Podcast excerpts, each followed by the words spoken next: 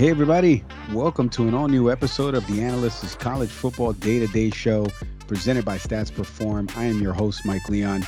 A huge week of the college football season, a bunch of top 25 matchups all across the place. And we break it all down, featuring stats and insights from not only the good folks over at the Analyst, but also using Stats Perform's new tool called Pressbox Live. You can head to statsperform.com today to find out how Pressbox Live is being utilized by college football teams, leagues, broadcasters, and more to help augment their game day coverage on Saturdays. You watch us on video, you listen to us audio podcast platforms. If you aren't already a subscriber, do me a favor, hit the subscribe and follow button. Leave us a five star review and comment, please. We are working hard for those reviews, Evan. Uh, actually, we aren't paid for this. Anyway, joining me to break break down this weekend's slate of huge matchup, as always, is the Will Arnett to my Jason Bateman data scientist at Stats Perform and a writer over on The Analyst. You can check out his work on theanalyst.com. And that's Mr. Evan Boyd. Evan, welcome back, buddy. I, I love that comparison. Illusions, Michael. Uh, yeah, it's good to be here. it's good to be back with another uh, great week of college football.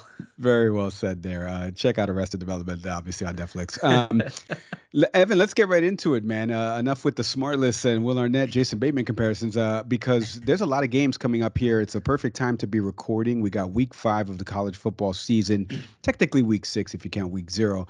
And last week, a bunch of things happening. We saw a wild two overtime game, eh, you know, in Wake Forest as Clemson won uh, towards the end there in double overtime, batting down that pass. Uh, we saw Tennessee beat the Gators as Rocky Top Tennessee can still be heard blasting over in Knoxville. We saw some upsets. Speaking of Tennessee, Middle Tennessee State coming down here into Miami and absolutely rocking the Hurricanes like Hurricane Ian is rocking Florida right now. Uh, I'm in Miami myself. Um, what are some of your surprises so far as we approach the true week five here of the college football season? Well, first off, stay safe. I know you're still in Miami, but I hope you're doing all right. Um, most importantly, there. But appreciate that. Um, yeah, you know, staying safe is much more important than college football, but not by much. Um, but yeah, you know, there have been a lot of surprises so far this year. Um, I think there are a few obvious ones. You mentioned Miami uh, losing, and Miami, oof, where are they going right now? That's a weird program that Mario Cristobal's got going right now. They do not seem to be as good as we expect them to be. But uh, Kansas is 4 0 for the first time since 2009. That also happened to be the last year where they had four wins. So Rock Chalk Jayhawk, I hope they uh, can be ranked soon. They deserve it, um, especially if they win uh, their next couple of games. But um, there's one team that I really want to focus on, though, and that is Minnesota. Um, they are actually jumped up to fifth in Stats Perform's Tracer, and I just want to explain Tracer quickly. It's a basically a net efficiency metric um, that evaluates how well a team does based on who they play, and it's uh, trained on uh, multiple years of college football data, and basically it's just a good way to uh, show how good teams are compared to others and how well they do against good teams and bad teams. It rewards teams on how good um, they play against other good teams and punishes those if they don't do as well against uh, weaker teams. But Minnesota has done really well all across the board. We saw them last week uh, really dismantle Michigan State, and Michigan State's an okay team right now, but um, they some places don't have um, the Gophers as high. We do. We really think that uh, they are legit, and we finally have a team that can go and win the Big Ten West. It was a wild, wild West. We thought at the start of the season. We thought maybe Wisconsin was going to go, but it seems like Mi- Minnesota might be the clear cut here. So they've put up at least 500 yards in three straight games, something that they have not done since 2005. And I really like their balance on offense and on defense. They have really veteran leadership on their offense with Tanner Morgan. He's had 10 pass TDs uh, in 13 games last season. He's had seven already this year. They also have uh, Mohamed Ibrahim back. Remember, he was hurt all last year. He got hurt in week one against Ohio State. Um, now he's back. He's averaging 6.4 yards per carry. So that's really impressive uh, offense that they got going on there. But really, I've been surprised at how well they've uh, done on, def- on the defensive end. I really uh, didn't think that this was going to happen for Minnesota, but it really has. They've held the Spartans to seven points and 38 rush yards. Uh, Michigan State entered that game averaging 38 points and 166 rush yards. So really see a difference there.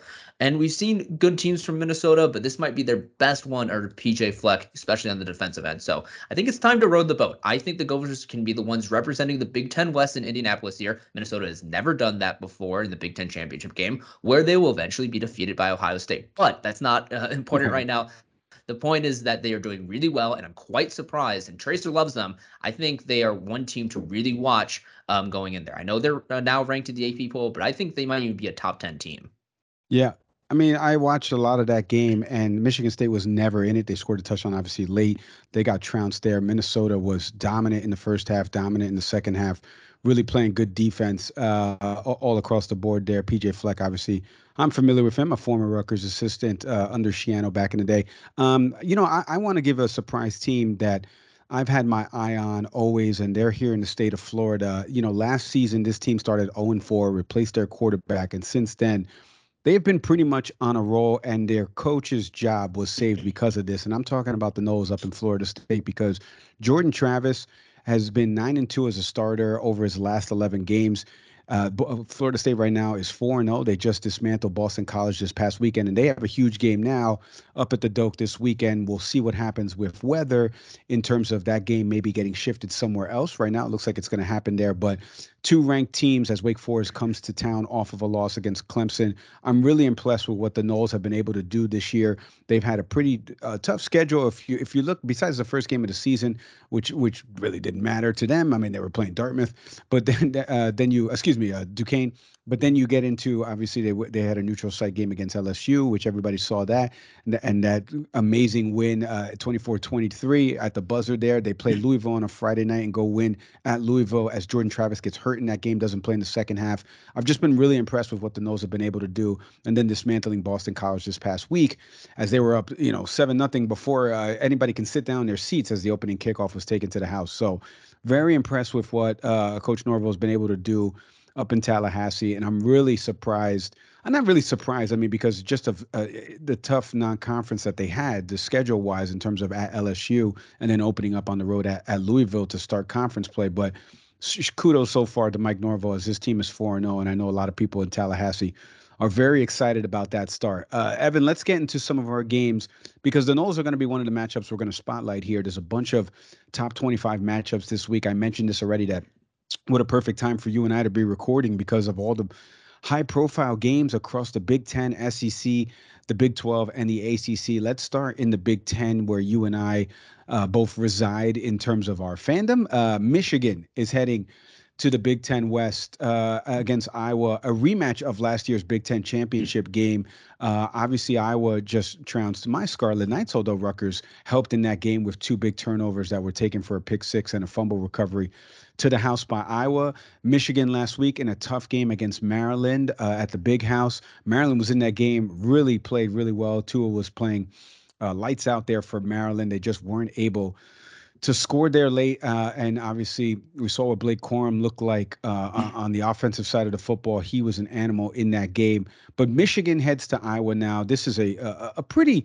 Uh, every time the games are at at Iowa, it seems like they always come down to the wire, and it's a last second field goal that's that's made to win the game. What's your read on what's going to happen Saturday uh, out in Kinnick Stadium?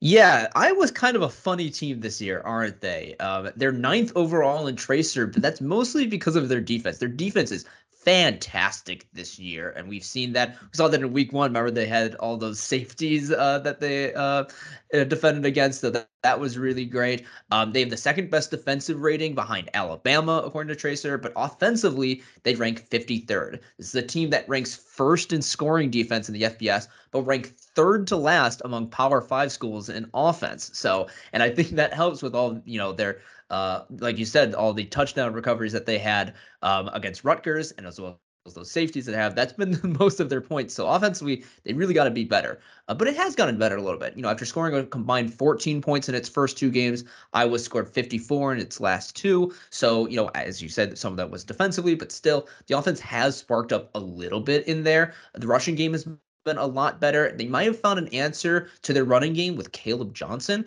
Uh, the freshman did not play that much in Iowa's first two games, but he broke out against Nevada and he had an okay game against Rutgers. So watch out for him to possibly be the um, offense that Iowa really needs. But if we know running games, it's all about Michigan because Michigan has had a fantastic running game last season and this season. They've really carried it over um, especially on Blake Corum, as you mentioned. Over the last two games, Corum's rushed for 314 yards and seven touchdowns. It's just unreal numbers. His 243 rush yards against Maryland were the most by Wolverines to Denard Robinson in 2010. And, you know, as you mentioned before, they had a tough game against Maryland. It's probably closer than anyone expected, but Michigan is still really good offensively to carry games. And I think that game was less about Michigan not living up to expectations, but rather how good Maryland might be this year. But Tracer has Michigan at a 60% chance of winning this game.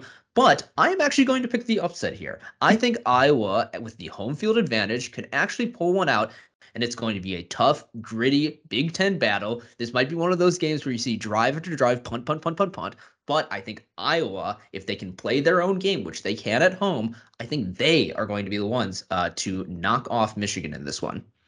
You know, that's a good pick. Iowa obviously has one of the best punters in the country, uh, and we saw that on display last last week against uh, Rutgers. Although a lot of punting in that game, and both uh, teams have uh, All American punters in that game. Um, but yeah, I'm kind of with you. I think I think Kinnick Stadium at home uh, this game obviously is slated for an afternoon start, but but regardless, I, I think Michigan right now hasn't really played anybody of note. Uh, we've seen what they've done against the Hawaii's and UConns, and obviously that game against Maryland, probably the best competition that they've played so far with a quarterback who can potentially, you know, make an NFL roster, whose brother already is is leading uh, the number one team uh, potentially in the NFL right now in the Dolphins. So I think that was probably the biggest test. And to me, Michigan, if it wasn't for you know a fourth down call where Blake Corum uh, kind of bounced it to the left and was able to hit the hole and score a late touchdown in the first half. Yeah. That Maryland probably could have won that game, to be honest with you. Um, I like I like Iowa here. I, I like what I saw last week against my alma mater. They just really played sound defense, and they just kept changing field positions, and they kind of w- lean on you in terms of that. Uh, just keep punting it, pin you down deep, make you go 95 yards, uh, the length of the field, and and they bend but don't break in a lot of situations. And I think home crowd. Um, I know offensively they're challenged, but maybe last week they got a little bit of the offense rolling, scoring 13 points there, and the and the defense scoring the rest of the points off of turnovers. I like Iowa in that game as well. Uh, let's go to the SEC. Let's drive on down to Ole Miss, uh, and let's let's say hello to the folks over there. The Running Rebels get set to take on the Kentucky Wildcats. Probably one of the surprises we haven't mentioned uh, in the college football season so far. The seventh ranked Kentucky Wildcats head to Ole Miss in the Grove to take on the 14th ranked Ole Miss uh, running Rebels. Uh, Kentucky so far 4 0 this year. Haven't really played anyone other than at Florida, where they won 26 16 out in week two. They've played University of Miami, Youngstown State, uh, Northern Illinois. Those were all home games and all easy wins for the Wildcats. Whereas opposed to Ole Miss, kind of the same thing. Ole Miss, Central Arkansas, they've played Troy in week one. Uh, they blanked the Georgia Tech, and we've seen the struggles that Georgia Tech has had this year. And then last week, uh, a little bit of a closer game uh, late against Tulsa.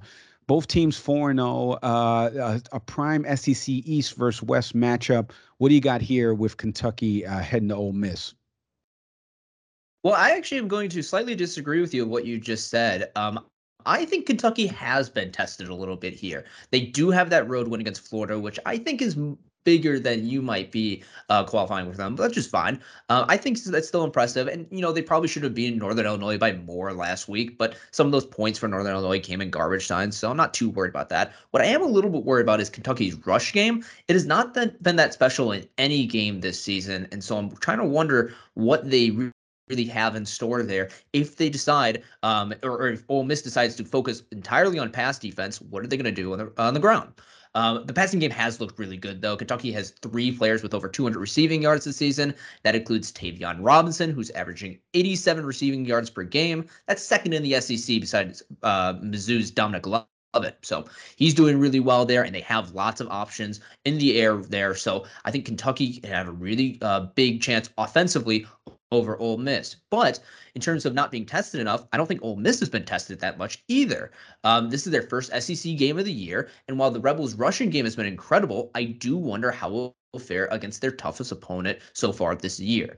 What I like about the rushing game, though, is that it's been balanced for Ole Miss. Rebels have three players averaging over six yards per rush with at least 25 rushes. The only other FBS team with at least three such players is Kansas, who, by the way, as I mentioned before, should definitely be ranked, but I hope that changes this week.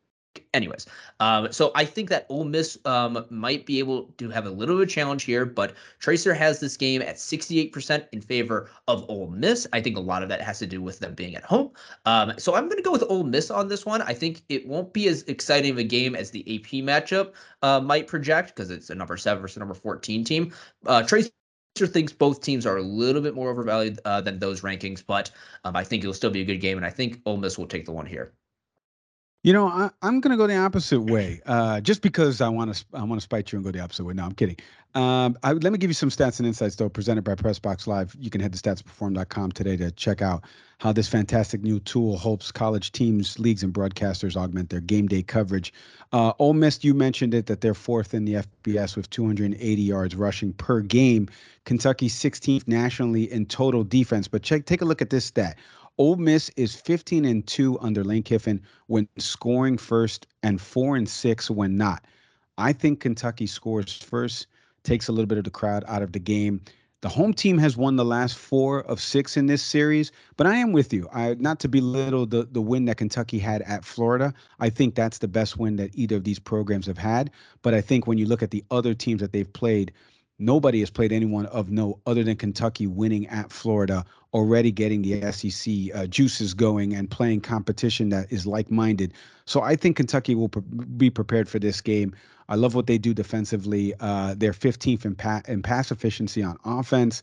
I like Kentucky in this game, so I'm going to go opposite of you, and they'll get a win there in the Grove, and everyone that will be tailgating still afterwards will leave disappointed. Uh, let's go into our third matchup. We'll stay in the SEC because this is happening down in Fayetteville as the Alabama Crimson Tide head to Arkansas to take on the 20th ranked Razorbacks. Alabama, you know where they are right now so far. They are 4 0. Uh, they have had one scare, which we all know about. Nevin and I covered it when they played Texas a few weeks back. But since then, it's been uh, easy skating in Tuscaloosa as they've beaten Louisiana Monroe 63 to 7, Vanderbilt 55 to 7, Utah State 55 to nothing. I mean, just do the simple math there. That's 10 points against three opponents, whereas they scored over 170 points in all of those matchups. The offenses look good. But this is a Razorback team that has played pretty well so far. Uh, obviously, a tough loss on the neutral site game against A&M last week. Uh, we saw what they did against Cincinnati uh, uh in week one, beating the Bearcats there. They won- beat South Carolina as well in week two, and then a, a win against Missouri State. So the Razorbacks, three and one. Alabama coming in. What do you expect here in this SEC West matchup?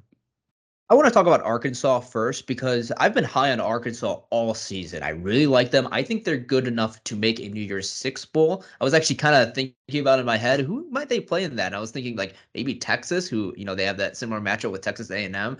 Uh, or no, excuse, me, they, they haven't played yet. I'm sorry, but um, but I, I don't know Texas, Baylor. You know, one of those Big 12 teams might be a fun one. But anyways, um, they were so close to beating Texas A&M. The Hogs were got off to a great start in that game, and then that field goal just doinked the wrong way. And as a Chicago Bears fan, I know exactly how that feels. Um, and you know, the rushing defense was really good um, at the start of the season. It kind of struggled against Texas A&M, um, but overall, I think this is a horrible matchup for Arkansas. Their pass defense has been rush rough. It was really good against Texas A&M, but I think that's more against the Aggies than it is in favor of the Razorbacks. Um, and you know now they're going against a quarterback that just won the Heisman, so I don't really think it matches up really well. Arkansas is still allowing, even after that Texas A&M game, they're still allowing 302 pass yards per game. That's the sixth worst in the FBS. I think entering that uh, this week or this past week, they were the worst. So now they got to go against Bryce Young, who did not have his best game in Bama's one road game of the year against Texas. That tech, Alabama played Texas. That's what I'm thinking. My bad. Uh, but, but the Longhorns uh, did do a better job uh, with the passing game. So uh, compared to Arkansas, so I think that Bryce Young will be just fine in this game. I think Alabama's defense though has been really good so far. Something that might not be talked enough because we're thinking about Bryce Young so much. But Tracer not only has Bama as the best team in college football now. That's new. We uh, had Georgia as the best team all season long until this past week. Um, we the Tide are also the best team defensively per Tracer. And opponents are averaging 1.8 yards per carry against Alabama's defense. That's uh, third best in the FBS. I mean, that's just unreal. So there's not going to be that much that Arkansas can do on the ground against this Bama team. They're really good up front, and they've also yet to allow a pass TD this year. So I think that's going to change. I think that Arkansas will get a pass TD. Maybe it'll be late, but overall, I don't think this is a good matchup for Arkansas, despite the fact that uh, it might be their uh, you know final loss going into um, bowl season because I think that um, the rest of the schedule looks pretty good in favor of them. But I think they're going to lose this one, and I think Bama is really good. We have them number one overall. Uh, Tracer has them with a 78% chance of winning this game, and I think they will do just that. I think they will pass all over this Arkansas Razorbacks team. Yeah, I, I, don't disagree with any of that. I think Alabama is really strong. I think the week two scare that they got there, uh, Texas on national television. That, that game Fox. was so hot. You yeah. know, like Texas is better than we think. You know, I, I think that was more in favor of Texas rather than Alabama.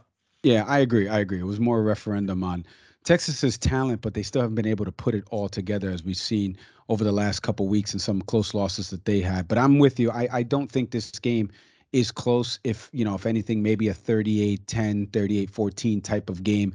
I don't see how the razorbacks can keep up with alabama's offense and i don't see how they can score against alabama's defense. That's the most important part. Uh, so we like alabama there. Uh, let's go into a big 12 matchup that would probably on a normal day have college game day and be the game of the day as oklahoma state the ninth ranked uh, cowboys head over to baylor to take on the bears. You know i'm always interested with baylor because the program is so interesting and the talent that has come out of that program in recent years. And this year, they just had a big road win uh, uh, up at Iowa State recently, uh, and they haven't really. Before that, they played BYU earlier in the year and had a, a close loss there, but their non-conference haven't really played anybody of note. A good bounce back win for the Bears last week, whereas Oklahoma State has looked pretty good so far. Now they've only played three games so far, and we've seen the opponents that they've played fire one of their coaches already. They hit the Sun Devils, letting go of Herm Edwards, uh, and that's who Oklahoma State beat in Week Two. So they haven't really been tested. Central Michigan, Arkansas, Pine Bluff, nobody there of note, and they had a bye week, and now they get ready to head into Waco to take on the Bears. What are you expecting uh, out of this Big 12 matchup? Well, first off, I'm excited for this game just because it's a rematch after that incredible Big 12 championship game last season. Remember, the Baylor uh, Bears held the Cowboys at the goal line to win at the last second. It was one of the best games all year. It was so exciting. I remember just like jumping off the couch when that play happened. I was like, oh my God, this is insane. Um, but, you know, I do like uh, Baylor in this game, and I'll explain why.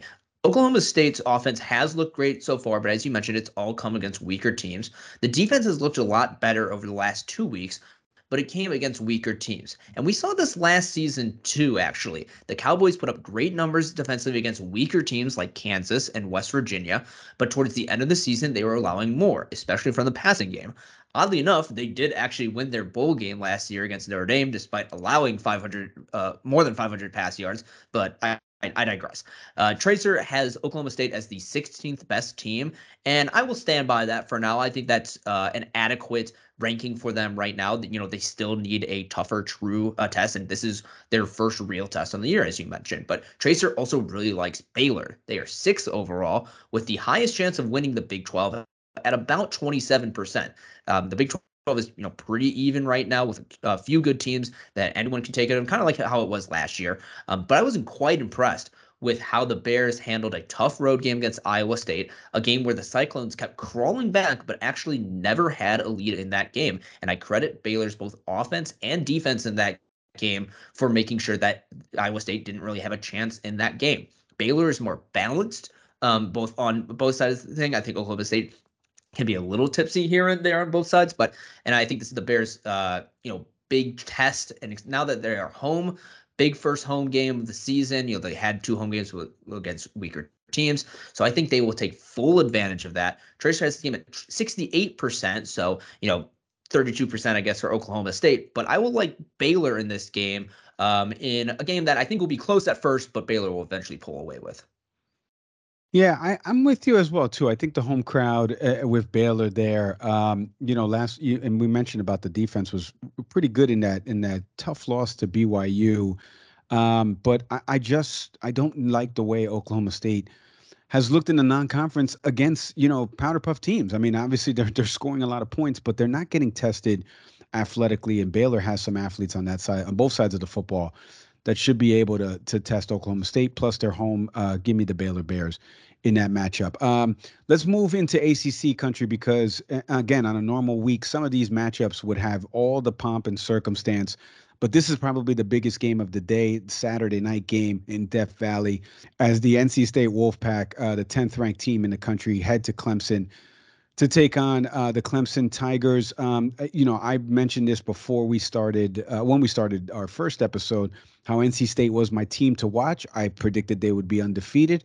I'm not that hard when you play UConn and you and you play Charleston Southern, but they had a scare in Week One against East Carolina. We talked about that game, uh, and obviously they played Texas Tech, who has looked pretty decent in the Big 12 uh, uh, as well, and in non-conference as well. So not really super tested for the Wolfpack minus the the Texas Tech and Week One games.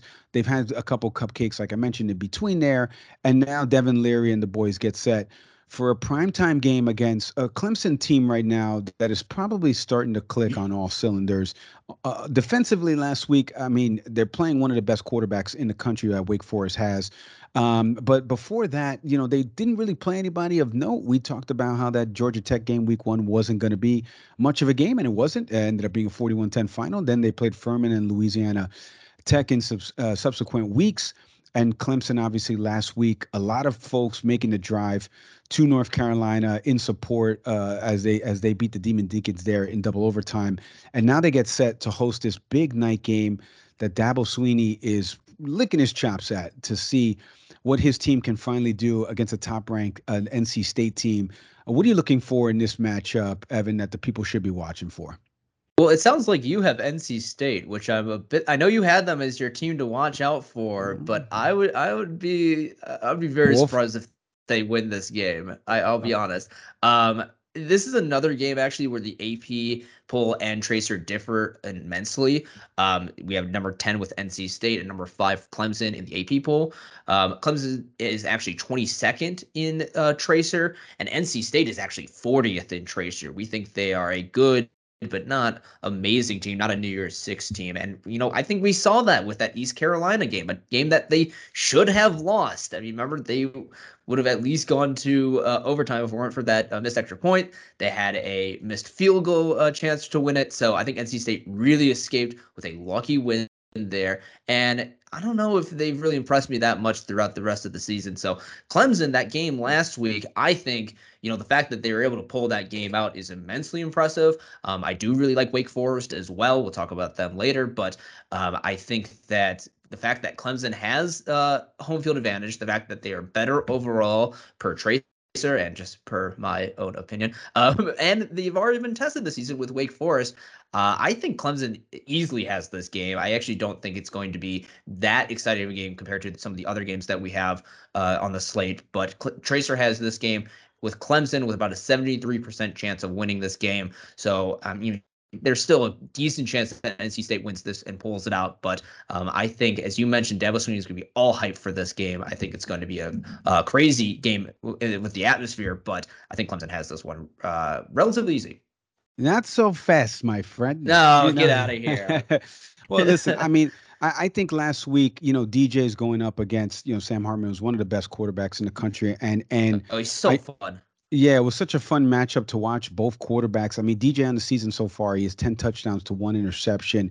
He's he already got over a thousand yards passing, but that really was his game to keep up with another signal caller on the opposite side of the field that's going to be playing on Sundays. And now this week he's going against another guy who is potentially going to be playing on Sundays in Devin Leary. Um, I like what NC State can do offensively when they're clicking. The problem is, is like you said, a, a night game in Death Valley I just don't see how they can do enough offensively unless they come out really firing. And they haven't done that when they've played competition that is of similar ilk. The the East Carolina game, obviously an in-state rivalry, East Carolina home.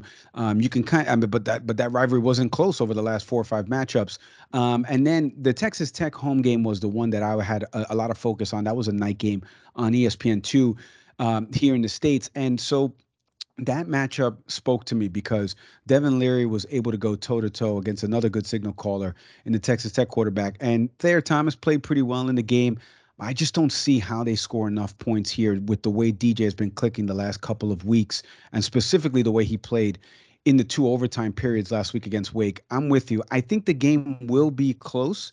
I know you think it won't be close. I actually think it will be close but Clemson wins late, something like a 28 to 20 type of game. Uh, I, okay, I like the yeah. Tigers as well, even though I, I NC State was my team to watch, but I did say probably one loss, and they'll be like a one loss type surprise team. I think this is the loss for them. Um, let's end on a high note here. I mentioned them at the top of the program, and eh, you know, 0 and 4 last season, 4 and 0 this season the Florida State Seminoles are are rocking and rolling with Jordan Travis up there at the Doak. They get set to take on a team we just talked about who played Clemson last week in Wake Forest. A good matchup out of the ACC. Again, a lot of good matchups. Uh, so many of them that are just two teams ranked in the top 25, and it, it could go either way if the teams were playing either home or away. Um, what are some of your uh, thoughts here on Wake Forest trying to bounce back after last week's tough game? Uh, Florida State not having too much of a challenge last week with Boston College and the way they got off to a hot start, leading 21 nothing before even the end of the first quarter. What are you looking for in this matchup as Florida State looks to return to prominence this season and get off to a 5 0 start? We might look back on last week's Wake Forest and Clemson game and say that it's one of the best games of the year. Offensively, it obviously was. Um, and that's kind of what Wake Forest is all uh, year. They're kind of a funny team per TRACR, similar to Iowa. We were talking about that before. Offensively, the Demon Deacons rank seventh um, in TRACR offensively. Defensively, they are 62nd with a defensive rating of 0.0. Shout out Animal House. Um, that basically means that they are a completely average team defensively, but offensively, you know, they are among the elites. Um, we saw this against Clemson exactly. They put up 45 points against the Tigers in double overtime. They barely lost. Sam Hartman had six touchdown passes and no picks. And though they lost that that game, I was quite impressed. And Florida State is kind of a similar team. They're good offensively, bad defensively, but less so. They rank 13th offensively and 49th defensively, so that you know not as uh, significant of a gap, but still pretty a uh, big gap. Um, and the Seminoles have also had good tests. They snuck past LSU and Louisville. We talked about that before, and I think it's surprising that they are four and zero. Oh and uh, well, it's a good surprise. I think it's good that Florida State is back. Um, it's kind of weird. I, I always think that the three main Florida schools, Florida, Florida State, and Miami, they all seem to rotate as to which teams are the best each year. It's like one a couple of years it's Florida State, then it's like Florida, then it's Miami, and now it seems like it might be back in Florida State. So it's kind of a fun uh, revolver. All all the uh, in the Florida, it seems like one school is always really good, one is okay, and one is bad, and that seems like really good uh, comparison this year. But anyways, um, TRACR has a game with Florida State at 58%. I think a home field advantage is going to be a significant factor there. But I am going to pick the upset here. I think I was really impressed um, with Wake Forest last week against Clemson, and, and, I think offensively they can carry themselves no matter where they are. So I am going to go uh, with Wake Forest, so long as you know rain isn't a huge factor in this one too.